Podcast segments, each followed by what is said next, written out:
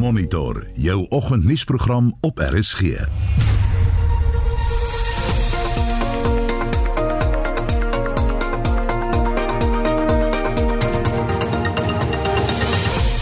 volgens die program ons bespreek die spanning tussen hoë koppe in die polisie, hulde aan 'n reus in die sakewêreld. Hy het dit gedoen omdat hy dit wou graag doen in belang van Suid-Afrika en uit 'n persoonlike oogpunt kan ek maar net sê ons gaan hom verskriklik mis. Ek het uh, traan gestort oor hom. COVID-regulasies by skole word verslap en die jongste nuus van die Olimpiese spele in Tokio. Goeiemôre, baie welkom by Monitor. My naam is Anita Visser.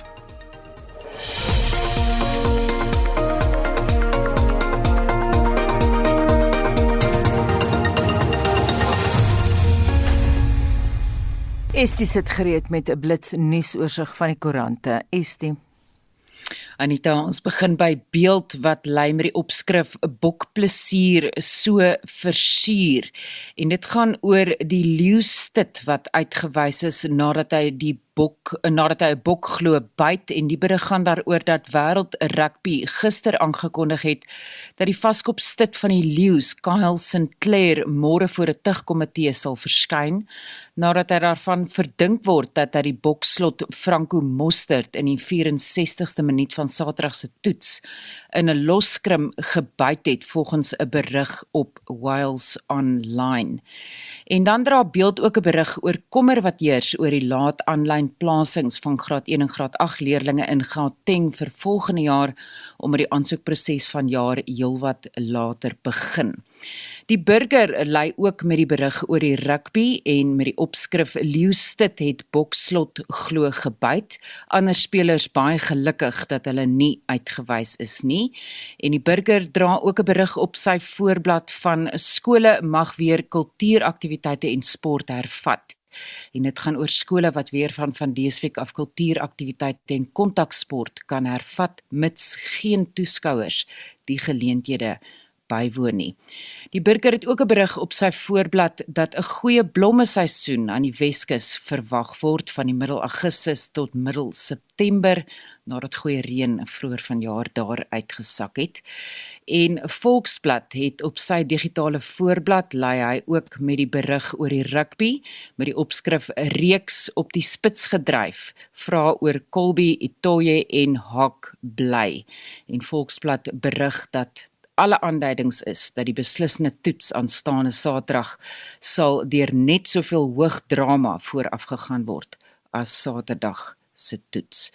Volksblad dra ook 'n berig op sy voorblad met die opskrif Ek wil by julle spook, skryf Leem 2 se pa. En dis nou Leem wat 2 jaar oud is en die berig gaan oor Nantes Norke wat destyds 'n lewenslange vonnis in die Mangaung tronk uitgedien het weens die moord op sy 2-jarige seun Leem en Nantes is op 16 Julie dood nadat hy vermoedelik 'n oordosis van 'n middel in die tronk gedrink het en 'n selfmoordbrief wat tussen sy goed in die tronk gevind is is nou deel van 'n geregtelike doodsondersoek in die Bloemfontein se Landdroshof na sy dood. Dit dan net 'n vinnige oorsig oor die koerant voorblaaie vanoggend. Die Springbokke het Saterdag die Britse en Ierse leeu's met 27-9 getroof om die reeks gelykop te maak. Nou ons wil vanoggend by jou weet, is jy tevrede met die bokke en die skeieregter se vertonings? Gaan ons komende Saterdag die knoop kan deurhak en wat gesien word as 'n eindstryd? En wat dink jy gaan die telling wees? Stuur vir ons 'n SMS na 45889. Onthou dit kos R1.50 of deel jou mening op ons Facebookblad by Facebook facebook.com vorentoe skynstreep ZRSG of WhatsApp vir ons stemnota na 076 536 6961 076 536 6961 Die owerheid is besig met uh, omgewingsimpakstudies in die eThekwini munisipaliteit in KZN na die storting van chemiese middels toe 'n pakhuis afgebrand het. Die pakhuis is tydens verlede maand se onrus aan die brand gesteek en die stof het saam met die water wat gebruik is om die brande te blus in 'n rivier beland wat weer na die Umhlanga en die Umsloti strandmere gespoel het. Verskeie strande is gesluit na die voorval. Die DA se skademinister van omgewingsake, Dave Bryant, sê die relevante owerheid se reaksie was te stadig om 'n omgewingsramp te keer. So since the thing took place and the facility was set alight, they have sent out teams of contractors to try and deal with the toxic spill and try and get some of that waste away. But the real issue was that that fire was burning for nine days solid. And during those nine days, those chemicals that were being mixed up with the water from the fire engines was running directly into the rivers, into the lagoons, killing all of the fish and other wildlife in and around that lagoon space, and then consequently being released into the ocean as well, and having a seriously negative impact on marine life and killing crayfish and all sorts of other um, animals, and that's obviously going to have long-term impacts. The other issue was obviously also that the toxic fumes and the smoke was being released into the community solidly for those nine days. You know, what we see, which is different in the DA government municipalities like the city of Cape Town, when we have a hazard, when we have an emergency like this, it gets addressed. Sometimes, you know, you can't escape the fact that these things happen, that disasters happen, but you have to address those when they take place and you have to deal with them effectively. What both the ANC local and provincial government authorities in KZN have proven is that they are woefully underprepared and that they just don't actually have the capacity to properly deal with these disasters when they arise. Brian sê dit gaan sy verstand te bowe dat die brandweer nie toegerus was om so 'n tipe brand te kon hanteer nie. Well, one of the issues that impacted them being able to act swiftly and decisively is the fact that their firefighters didn't have the correct personal protective equipment in place. And that is being used as an excuse as to why the fire was allowed to burn for nine days straight. Now, you tell me why your firefighters in a major municipality such as Etiquini and Umhlanga and the surrounding areas, you tell me why a firefighter in that area doesn't have the correct personal protective equipment. Surely they should be prepared for chemical fires. That is one of the fundamental tenets, one of the fundamental uh, aspects of firefighting is that you're prepared to deal with chemical fires. Why did they not have the personal protective equipment? And again, it just shows that they were completely underprepared and that this municipality has failed, as all the other ANC municipalities across the country are failing. Brian sê hy wil weet hoekom die nasionale regering nie ingryp nie. So we've been asking. I mean, I'm submitting some parliamentary questions to try and see if I can get some direct responses. But you know, as I understand it, potentially um, other avenues are also being explored to try and get this information from a legal route. But we also have to ask why, you know, is government not taking this entity that was owning the warehouse or um, not owning the warehouse but uh, storing these uh, materials at the warehouse, why are they not taking them to task? The business, as we understand, should have been registered as what they call a major hazard installation or an MHI. Were they registered as an MHI? If not, why were they not registered as an MHI? Did they notify the local municipality and tell them, you know, that they were storing these hazardous materials? And if they did, what did the municipality do? Why were those systems not put in place? And again, all we're getting are excuses, excuses, excuses, and uh, there's no accountability as usual. En so sê die DA skademinister van omgewingsake. Die Suid-Afrikaanse Vereniging vir Psigiaters sê die geweld wat verlede maand in dele van die land gewoed het, het trauma vlakke laat styg selfs onder diegene wat nie direk deur die geweld geraak is nie. 'n Lid van die vereniging, Dr Renata Skuman, sê vorige studies toon dat Suid-Afrikaanse kinders meer angstig is as kinders in ander lande weens hulle gewelddadige omstandighede kennis deur die jare en vorige Suid-Afrikaanse studies om reeds te wys dat kinders in Suid-Afrika reeds meer getraumatiseerd is as hulle ewe knee in ander dele van die wêreld. As gevolg van baie dele van die land wat regtig geknoop is in geweld en opstande en onluste en gangsterisme en al hierdie tipe goed wat ons in Suid-Afrika sien en dan die ander ding wat ons ook in die laaste paar jaar het is mos aan die einde van die jaar altyd die 16 days for activism against violence against women and children. So die bewuswording van geweld en kinders wat getraumatiseer word is reeds al 'n klomp jare daar. Maar nou weer onlangs waaroor ons baie baie bekommerd is, is dan die onlangse gebeure veral dan in KwaZulu-Natal en Gauteng waar kinders baie van die gevalle direk betrokke was in die gebeure maar dan ook waar kinders sekondêr getraumatiseerd is. Met ander woorde, hulle sien beeldmateriaal of hulle hoor die volwassenes rondom hulle gesprekke. En kinders kan getraumatiseerd word en posttraumatiese stresstoring ontwikkel selfs al was hulle nie direk betrokke by die situasie nie. Watter rol speel die sosiale media hier? Baie bekommerd daaroor, soos wat ek genoem het, is dat kinders getraumatiseer kan word indirek deur dit wat hulle sien. Die tweede deel wat 'n groot rol speel is ouers. En as ons buite beheer voel, dan wil ons mos meer inligting hê. So wat ons nou doen is wat ons noem doom scrolling. Jy gaan op Facebook en jy scroll deur Facebook almal wat alles post, wat gaan aan en dis al die neighborhood watch groepies wat gaan aan en dis die nuus en dis YouTube en kinders word getraumatiseer. Van nou word ons as ouers net meer onseker en meer bekommerd en meer angstig en ons bespreek dit met die mense rondom ons en die kinders hoor dit of hulle sien dit. So ons as ouers het regtig 'n verantwoordelikheid om ons kinders te buffer teen hierdie en eintlik dan hulle toegang tot hierdie sosiale media en nuus eintlik te beperk sodat hulle nie sodoende getraumatiseer kan word nie. Hoe anders beskerm 'n mens jou kinders teen iets wat jy nie eintlik oor beheer het nie? Die belangrike ding is om een na jou eie gesondheid ook te kyk. As jy self besef jou angstigheid is nou buite beheer, is dit belangrik om professionele hulp vir jouself te kry, maar dan ook om te let op tekens in kinders wat kan aandui dat hulle getraumatiseerd is of angs of depressie ontwikkel. Byvoorbeeld veranderinge in hulle gedrag. Hulle kan byvoorbeeld onttrek of hulle kan wat ons noem regresseer en meer jonger kinders se gedrag begin aanneem. Hulle sê dalk weer tuim of hulle is meer klingie of daar's weer bednat maak, maar dan ook wat hulle onttrek en stil raak, verstoring in hulle slaap of eetpatrone en dan ook ander simptome van angs wat ons kan sien. So dit is natuurlik die eerste ding om bewus te wees van emosionele simptome in jouself en in ander.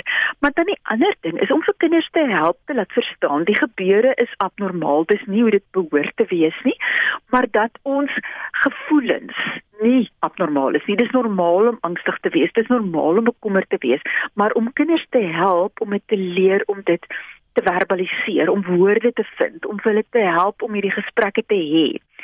Verder is dit baie belangrik om struktuur vir kinders te gee en hulle kry nou al reeds swaar met COVID en dan is jy in die skool en dan is jy nie in die skool nie en daai gebrek aan struktuur wat 'n veilige skoolomgewing gewoonlik vir hulle skep. So dit is so belangrik dat mense hulle 'n dagroetine moet kry, dieselfde eetpatrone of etenstye, slaaptye. Kinders thrive as daar struktuur is.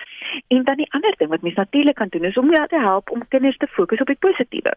So byvoorbeeld ons is veilig, ons het 'n huis, ons het kos of daar is as jy nou self direk geaffekteer is deur die geweld en goed, is daar baie organisasies en dokters en NGO's wat gaan sorg dat ons kos het, wat gaan sorg dat ons veilig is.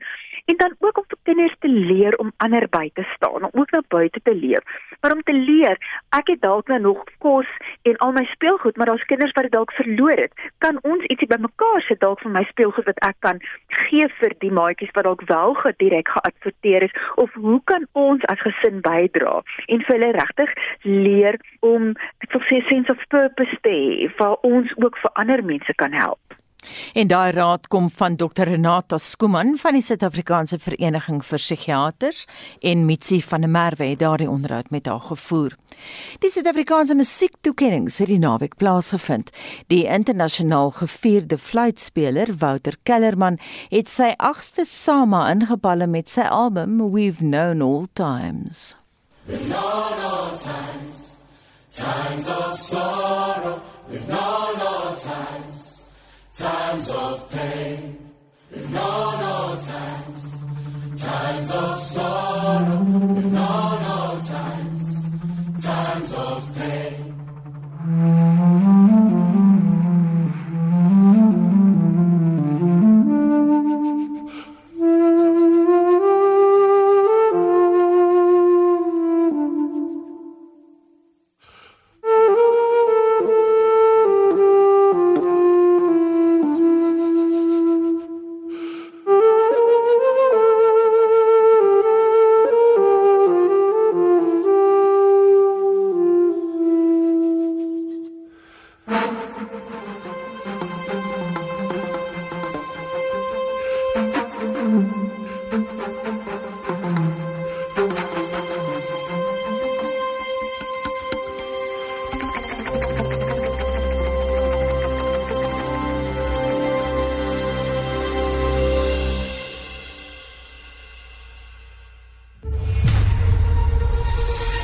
Luister na Monitor elke weekoggend tussen 6 en 8. 6:30 in die hoofnuus, die Wes-Kaap het steeds die meeste koronavirusgevalle in Suid-Afrika. Mediese fondse word gemaan om nie hulle premies weens inentings te wysig nie. En ons bespreek die spanning tussen hoë koppe in die polisie bly by monitor.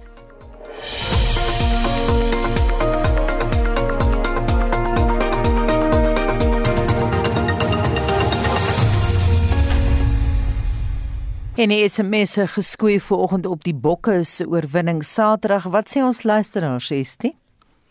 Lulu Potgieter sê 'n rassie se kop is reg aangeskroef en 'n positiewe invloed wat hy op die span het.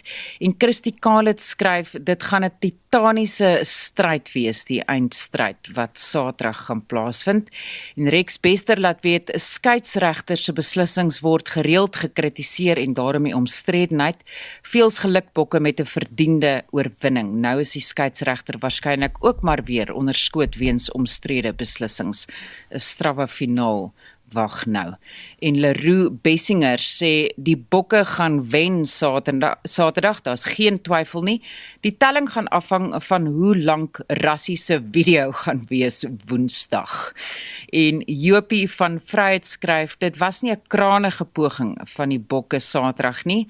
Hulle sal hard moet werk in verband met sekere aspekte van die spel die bokke sal net net wen. So voorspel Jopie van Vryheid. Laat weet vir ons is jy tevrede met die bokke en met die skeieregter se vertoning die afgelope Saterdag? En gaan ons komende Saterdag die knoop deurrak in wat gesien word as 'n eindstryd? En wat dink jy gaan die telling wees? Stuur vir ons 'n SMS na 45889 teen R1.50 per SMS. Gaan deel jou mening op ons Monitor en Spectrum Facebookblad of WhatsApp vir ons stemnota na 076 536 6961. Die gebrek aan samewerking tussen die minister van polisie Bekkie Cele en sy nasionale kommissaris Kegla Sitole het weer ter sprake gekom toe voorleggings gemaak is aan die parlementêre polisiekomitee oor die gebrek aan intelligensie rakende die onluste en plundering in KZN en Gauteng wat meer as 300 mense se lewens geëis het. Ons praat veraloggend hieroor met generaal Lennet Max, advokaat en polisieamptenaar wat ook gedien het as adjunkskade minister van korrektiewe dienste en Weskaap Weskaapse minister van korrektiewe dienste. Goeiemôre. Goeiemôre. Kom ons gaan uh, terug vinnig na uitspraak toe. En hierdie uitspraak is gelewer op 13 Januarie 2021 en dit is uh, toe regter Norman Davies beslis het dat Kegla Sitole en sy twee adjunkte, Francina Wuma en Lebwana Tsumani, die belange van die ANC bo die belange van Suid-Afrika gestel het. Nou intussen blyk eh, Bekkie Cele glad nie te weet wat sy nasionale kommissaris doen nie. En van die hofsaake wat die polisie 1,8 miljoen uit die sak gaan jaag, is hy ook onbewus. Hoe op aarde is dit moontlik? Ja, nee, dis baie duidelik uh, aan die taak dat daar die kommunikasie tussen die minister sowel as die tussen die minister en die nasionale kommissaris baie gebrekkig is. Uh, die uitspraak teen die nasionale kommissaris en sy twee jongtes wat doen en dit glad nie uh, goed uh, vir die beeld van die Suid-Afrikaanse polisie en vir die leierskap van die ehm um, polisie nie. Jy weet die minister het uh, nou die dag op uh, op uh, tydens die sale voorlegging aan die portefeulje komitee gesê uh, hy en sy tolle werk saam maar uh, ek dink uh, uh, dit was maar net 'n uh, poging om uh, uh, om homself in uh, te beskerm want as jy kyk na die gebrek aan kommunikasie tussen hulle twee sover dit hierdie uitspraak van die ehm um, die appel of uh, be, uh, be, uh, is en sowel as die kommunikasie wat hy aan die nasionale kommissaris gestuur het oor die aanstellings en verplasings en die feit dat die nasionale kommissaris doelbewus hom nie inlig oor daardie verplasings en die hofsaak nie is dit baie duidelik dat daar nie 'n goeie verhouding tussen beide hom en die, en die, en die kommissaris is nie. Nou hmm. hierdie gebrek aan kommunikasie en die geveg tussen hulle twee het 'n direkte impak op uh, die lede op voetskool voetskoolvlak. Ek is gereeld in aan aanmerking en aanraking en kommunikasie met polisielede en van die mense is nou reeds skaam om te sê hulle is polisie uh, lede, hulle het geen trots meer nie. En as gevolg van dit wat aangaan, sowel as hierdie uh, senior topbestuur van hulle uh, lede wat reeds in die howe verskyn het van beweerde bedrog en van hulle is hulle reeds afgedank. Is interessant ek onthou nou van die voorlegging die minister het nogal gesê hy toegegee. Hulle is nou nie juis huisvriende nie, maar wat is die mandaat van die kommissaris en wat is die mandaat van die minister? Ja, die kommissaris is in terme van uh, artikel 207 van die uh, grondwet aangestel deur die president van hierdie land en nie deur die minister nie. Ons moet nou onderskeid tref. Die minister stel nie die nasionale kommissaris aan nie. En die nasionale kommissaris se taak is dat hy moet beheer van die administrasie en in operasies van die Suid-Afrikaanse polisie bestuur. So, die minister is in terme van artikel 2061 aangestel aangewys ook deur die uh, president en die minister se se taak is om leiding te gee in terme van uh, beleid aan die Suid-Afrikaanse polisie. Nou het dit gebeur dat die minister probeer dit in 2018 met die opstel van die regulasies soos bepaal deur die wette daar regulasies moet wees om die wetgewing te ondersteun en om uitvoering praktiese uitvoering aan die wetgewing te gee.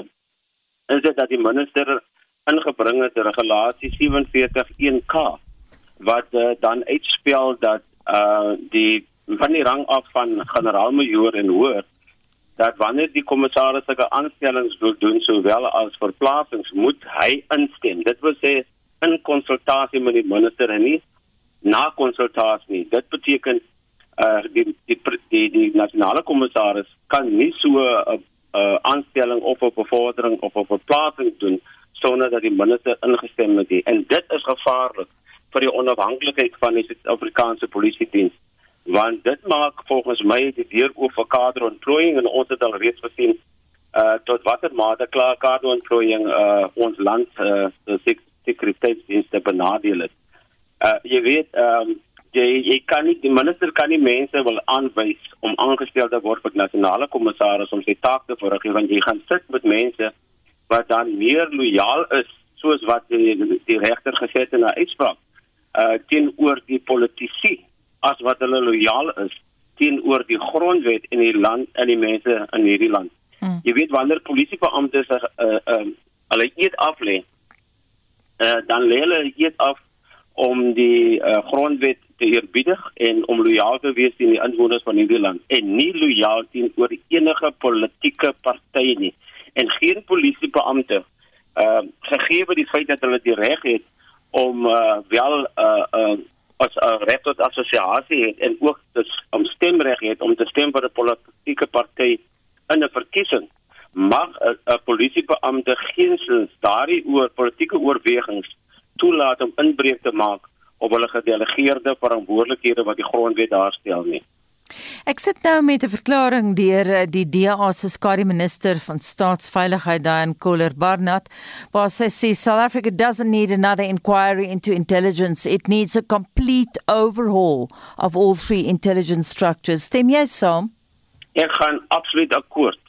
Uh jy, jy weet dat nie net intelligensie nie die hele topbestuur van die polisie behoort vervang te word. Daar behoort evaluasies te wees. Daar's mense aangestel dat ons maar nou eerlik wees in posisies. Jy weet as eh uh, uh, soos hulle sê gebiedskommissarisse, provinsiale kommissarisse.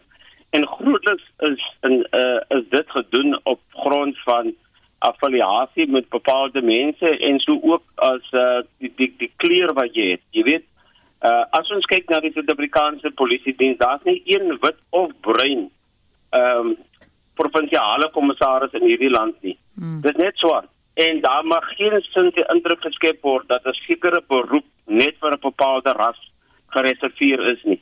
Uh, uh en dit is en jy weet in in en brein en witlede bedank op 'n streep weens die gebrek aan bevordering. Nou die Suid-Afrikaanse polisie dien sowel as die uh die staatsveiligheidsagentskap. Uh dit is baie duidelik dat in beide van daardie intelligensiedienste is daar 'n gebrek aan koördinering en daar is ook beweringe dat uh, van hierdie lede wat daar werk uh, in gesagsposisies bekleed lojaal is aan 'n sekere faksie in die ANC. Hmm. En en en dit is is kommerwekkend en ons het dit gesien uitspeel nou met die onlangse onrus wat ons in hierdie land uh, gehad het wat duisende rande se skade tot gevolg gehad het, wees die feit dat daar nie behoorlike inligtingbestuur plaasgevind het nie. Hoe groot probleem is die verlies aan kundigheid in die polisie? Jy sê mense bedank op strepe. Laat ek vandag vir jou sê. Ehm um, jy weet ek was nou tydens eh uh, die tyd wat ek daar by die minister uh, was ehm um, as raadsgewer. Het ek in vergaderings gesit.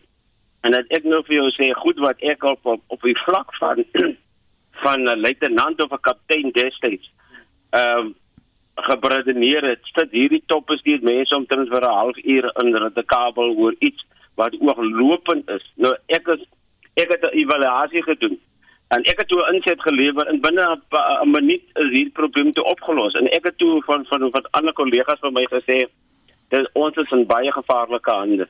Uh, ons veiligheid is in hierdie mense se hande en ek vrees as daar iets groot gaan gebeur en hier is dit nou weer eens bewys. Hmm. Daar's 'n groot leemte, daar's 'n uittog van van van van kundigheid as gevolg van hierdie ehm um, tipe rasse aanstellings en uh, en gevolglik verloor jy 'n uh, groot mate van kundigheid uh, en kennis en dit maak jy nie op met 'n uh, 5000 nuwe rekrute nie. Dit mm. mense met oor die 30 jaar ondervinding uh wie nie erken word hulle moet die werk doen. Hulle moet donkie werk doen, maar hulle is nie goed genoeg om wel bevordering te kry. Kyk Lassetole sê hy gaan nêrens heen nie. Hy gaan beslis nie bedank nie en intussen word gepraat van 'n moontlike kabinetskommeling. Sou die president dalk van die minister ontslaa raak? Kom ek sê uh dis nie of die president dalk nie. Ek dink Suid-Afrika verdien beter in beide gevalle. Ek dink daar is mense wat uh, uh oor die kwalifikasies beskik om wel uh nasionale kommissaris te wees. Uh as daar nie in die diens is hier as daar mense wel beide kan wat die nodige ondervinding het wat die na president maar net moet weer moet nader. Uh, wat die minister dan betref is dit baie duidelik die minister is totaal onbevoeg om hierdie tipe van uh, uh posisie te bekleed. Jy weet die minister het het aansoek gedoen in die hof om uh, 'n sekere bevel te syde te laat stel wat hy ontslaan was uh sodat hy die die rang van generaal kan kan kan gebruik, jy weet. Nou ek weet nie hoekom die minister dit gedoen het nie. Die minister is geen opgeleide op polisieoffisier, hy het die rang gekry met 'n politieke aanstelling as nasionale kommissaris. Hy het geen een dag so 'n opleiding gehad in die polisie nie. En uh, hy doen hom voor as iemand wat 'n uh, verskriklike polisieervaring het omdat hy 'n rang het. Die rang beteken niks. Mm. Die kennis die kennis omtrent polisieering is is fundamenteel en dit het hy nie. En dan uh sover dit uh die sy politieke posisie aanbetref, is dit so dat hy totaal geval het en onbevoeg is om hierdie werk te doen. Ons het gesien met watter ja, haftige houdings hy gehad het toe hy die strande patrolleer het soos 'n soos 'n strandkonstabel. Uh maar toe dit saak maak waar die mense die wette ooglopend oortree het by Zuma se saamtrek. Die Sondag toe Zuma moet oorhandig het. Was die minder het hy geskitter in sy afwesigheid. Het nie hierdie ehm optrede vir nie eens een keer veroordeel gedurende daardie tydperk nie. Wat beteken dat hy uh, gee leiding om polisieering partydig te laat toepas in hierdie land wat wat nie uh, behoort te gebeur nie. Generaal Lenet Max, jy het hoop ervaring. Sou jy die pos as minister van polisie aanvaar as dit vir jou aangebied word? Jy weet Nathan Hale het op beslag gesê I only regret I have but one life to give to the, my country. En ek wil vir u sê dat ek net hierdie lewe en hierdie lewe stel ek beskikbaar aan hierdie land van van ons Suid-Afrika. En as die president daar die vertroue het om my aan te wys, sal ek nie huiwer om nie my bydrae tot ons land en die veiligheid van ons mense uh, te gee nie. Hm, kom ons hoop of die president of een van sy raadgewers luister. Ek twyfel of hy na RSG luister, maar uh, miskien hoor iemand dit. Net 'n bietjie terug na die geskiedenis toe. Lene, dis nie die eerste keer in Suid-Afrika dat daar geweldige spanning tussen die polisiekommissaris en die minister is nie.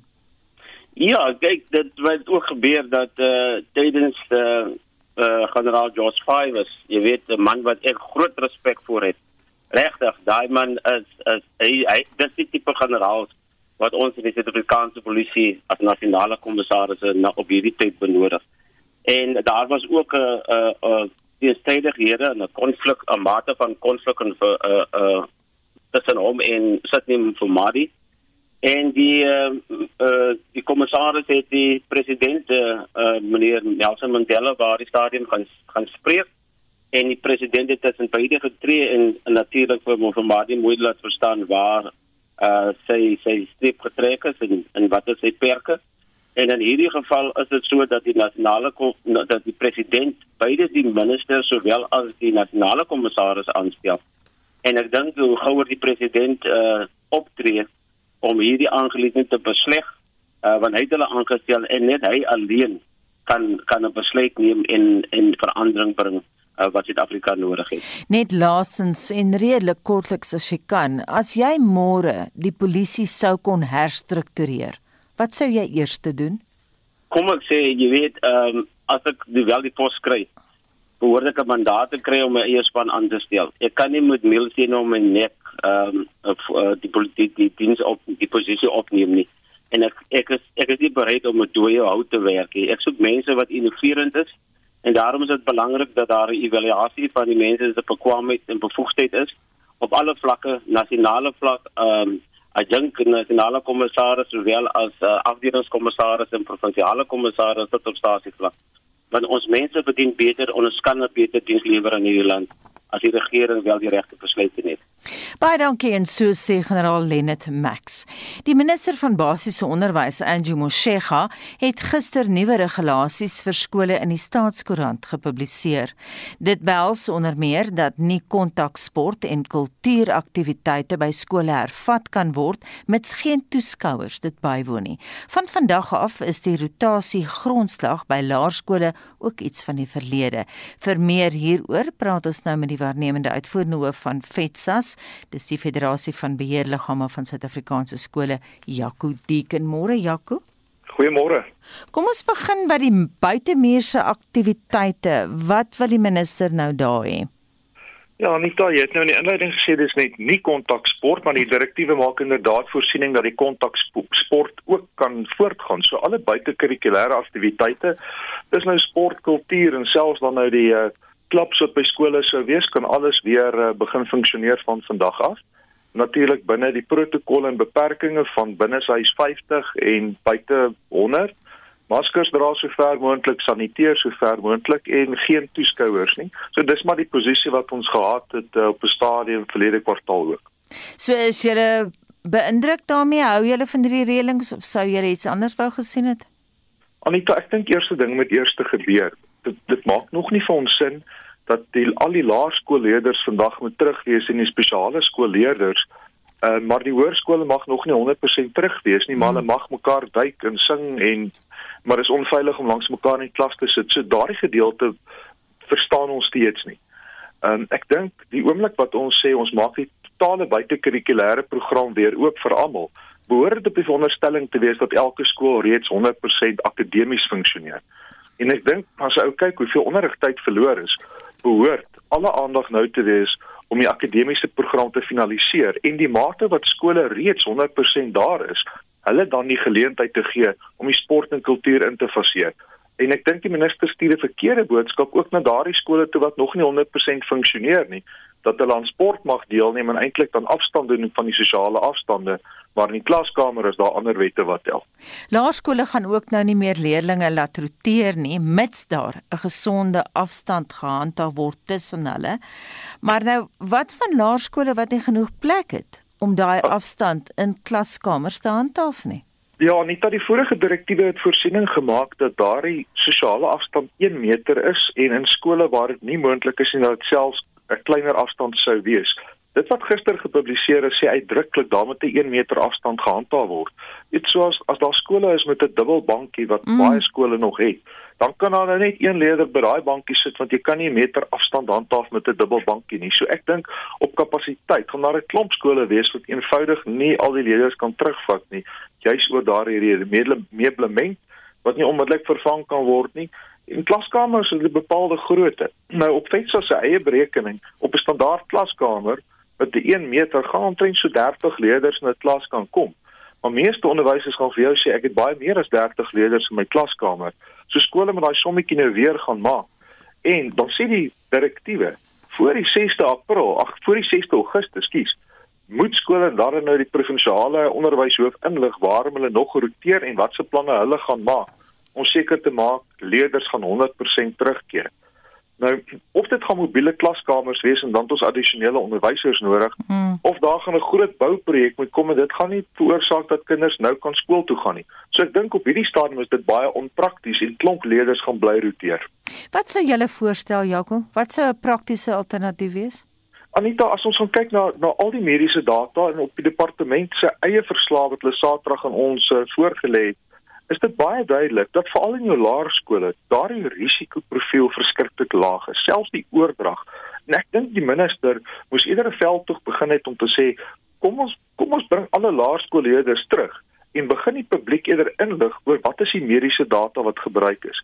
Wat is die gevare en die risiko's as die kinders kom, maar ook wat is die gevare en risiko's as die kinders nie terugkom nie met agterstande, voeding, emosionele welstand en daardie hele pakkie en dit is Suid-Afrika verduidelik. En ek dink ons moet nie die die faktor buite rekening laat wat die inentingsprogram vir die onderwyssektor beteken het nie. Daar's 'n geweldige klomp volwasse mense reeds ingeënt.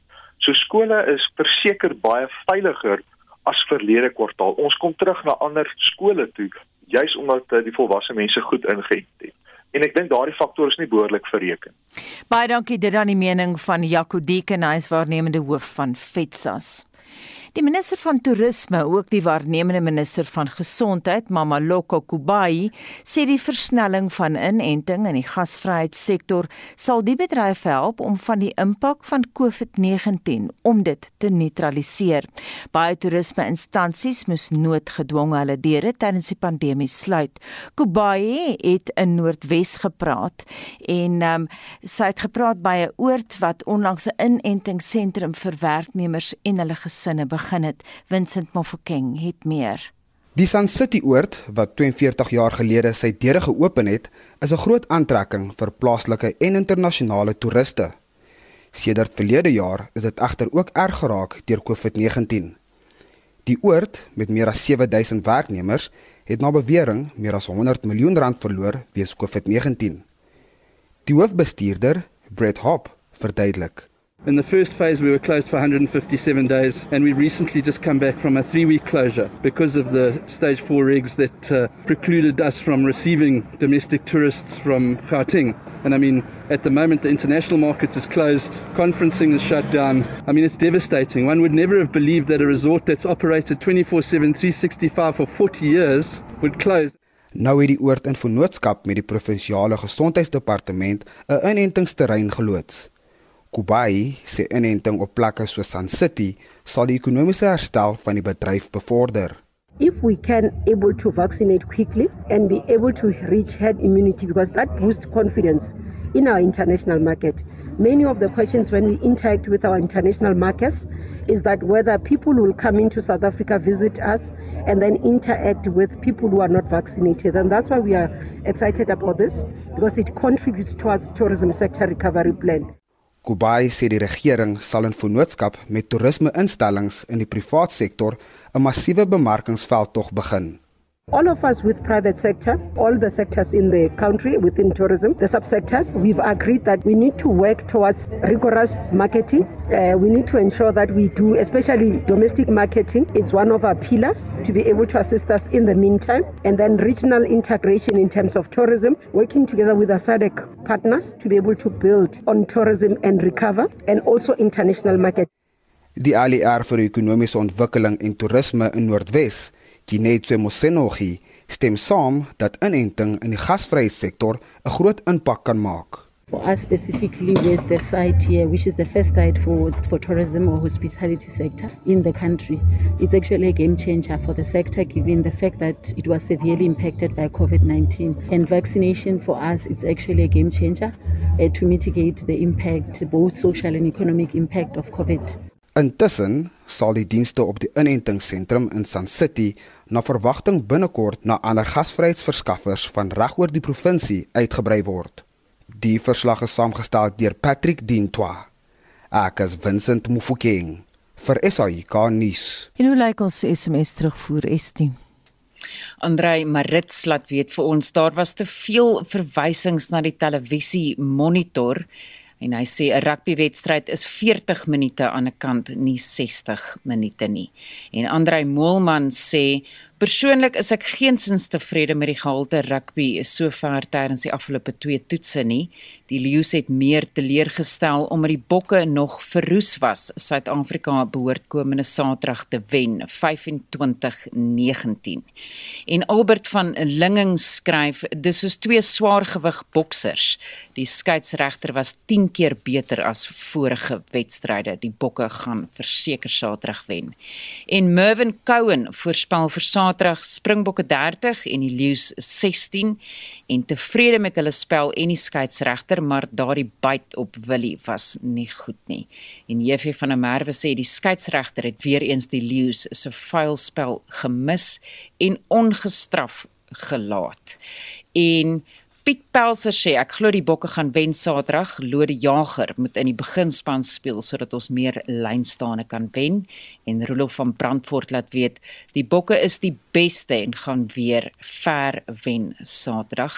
En Nico Olivier laat weet die wedstryd was 'n klug want Rassie se gebrek aan sportmanskap en sy intimidasie van beamptes het die speelveld absoluut ongelyk gemaak en sommer vroeg moes Kolby 'n rooi kaart gekry het maar skielik vrees beamptes nou Rassie se onsportiewe aanvalle. Ek is net so na 08:30 terug met nog van jou terugvoer. Intussen bly ingeskakel want na 7uur praat ons oor die dood van die 63-jarige Johan van Sail en ons praat onder andere met 'n goeie vriend van hom, Brand Pretorius en dit bring ons by die 7uur nuus. SAK nuus. Onafhanklik, onpartydig